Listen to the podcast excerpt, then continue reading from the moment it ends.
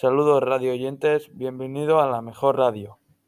Hoy nos han informado que el 28 de mayo todas las escuelas del País Vasco se van a juntar en Vitoria para debatir sobre la enseñanza, para ver qué, eh, qué escuelas eran mejores, las escuelas del año 1970 o las de hoy en día. Por esa, por esa razón han quedado para hablar de ello, van a, van a debatir para aclarar el tipo de enseñanza sobre el mediodía. Van a votar sobre el tema para ver cuál es, el mejor, cuál es la mejor opción. Al día siguiente a las 8 de la mañana publicarán los resultados de la votación en la televisión regional. Algunas escuelas ya tienen decidido su voto, por ejemplo, las escuelas de Arrasate y de Orio han dicho que van a votar a favor de las escuelas de año 1970. Sin embargo, las escuelas de Quecho, la escuela de Quecho dice que va a votar a las escuelas de hoy en día.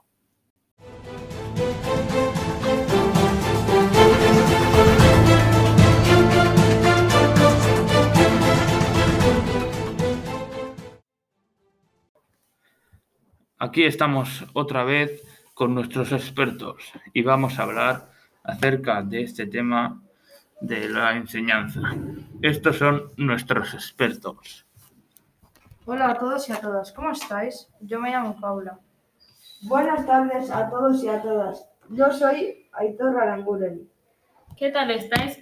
Soy Anne Alberdi. Muy bien. Y Anne, ¿cuál es tu opinión sobre el, el tipo de enseñanza? Yo creo que las escuelas de hoy en día son mejores, a pesar de que trabajan la relación en grupo, tienen más contacto de profesor a estudiante y trabajan mucho la pedagogía. La confianza en sí mismos, el respeto y lo que más trabajan es la cooperación. Además de eso, el material que utilizan es mucho mejor, como la tecnología, por ejemplo. ¿Y vosotros? ¿Cuál es vuestra opinión?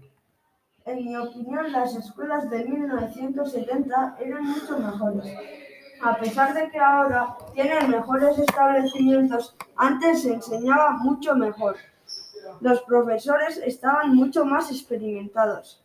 Ahora todo se hace entre algodones. Los niños no van a la escuela, van al parque. ¿Y, y a ti, Paula, qué te parece yo también estoy a favor de las escuelas de hace 50 años, a pesar de que ahora la relación entre profesor y alumno sea mejor, pero lo importante es la enseñanza y sé que la de antes era mejor, ya que los profesores eran más estrictos y eso hacía que los niños y adolescentes aprendieran mejor, no como ahora. Y si seguimos así, vamos a evolucionar de mal en peor. Uh, eh, ya veis que esto se está poniendo muy interesante. No os vayáis que volvemos en un momentito de los anuncios.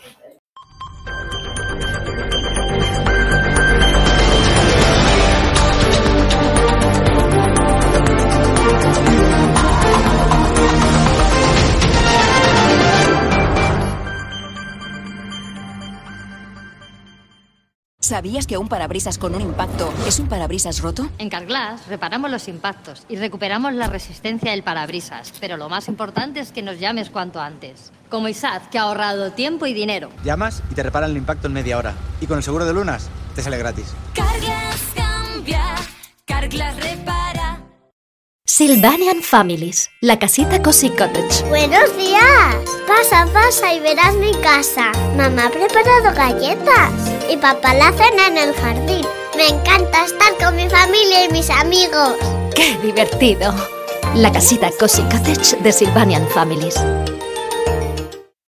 Playa, piscina, cloro, arena. Vacaciones bajo el sol, pobre pelo Emergencia capilar. Necesitas algo ya. Un rescate pante. Tan sencillo y eficaz. Y juega, rescata, reinicia.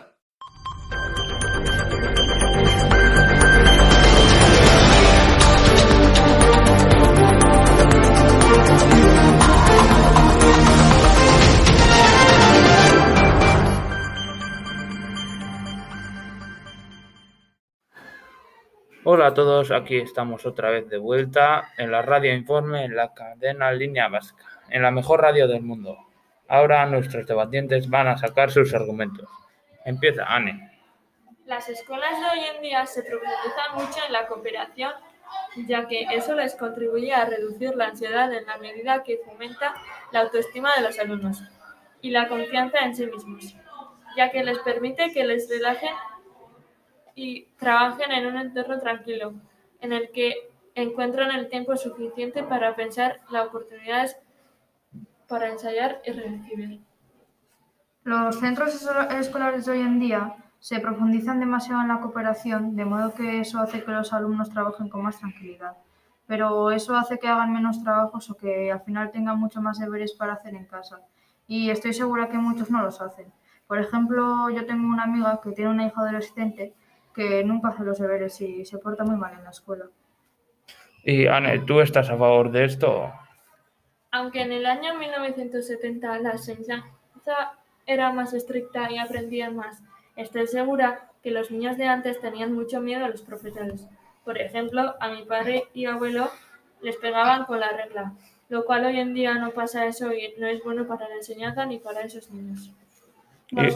Los colegios de 1970 eran mucho mejores. Por ejemplo, es- Eustat ha sacado un gráfico diciendo que los niños que aprendieron en esos años tienen un trabajo fijo y además tenían mejores notas en la universidad.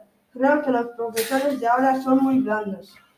¿Y a ti, Paula, qué te parece? Eh, sí, estoy de acuerdo con lo que dice. A pesar de que hoy en día hay más confianza entre alumno y profesores, los niños y adolescentes de antes eran más educados y al fin y al cabo creo que la confianza entre los alumnos y profesores no es muy importante, porque puede ser que con la confianza pues trabaje menos. Y Anne, tú. ¿Tú- ¿Y tú qué te parece eso? Como he dicho antes, a pesar de que hoy en día todo se hace en grupos, todos tienen una necesidad de socializar.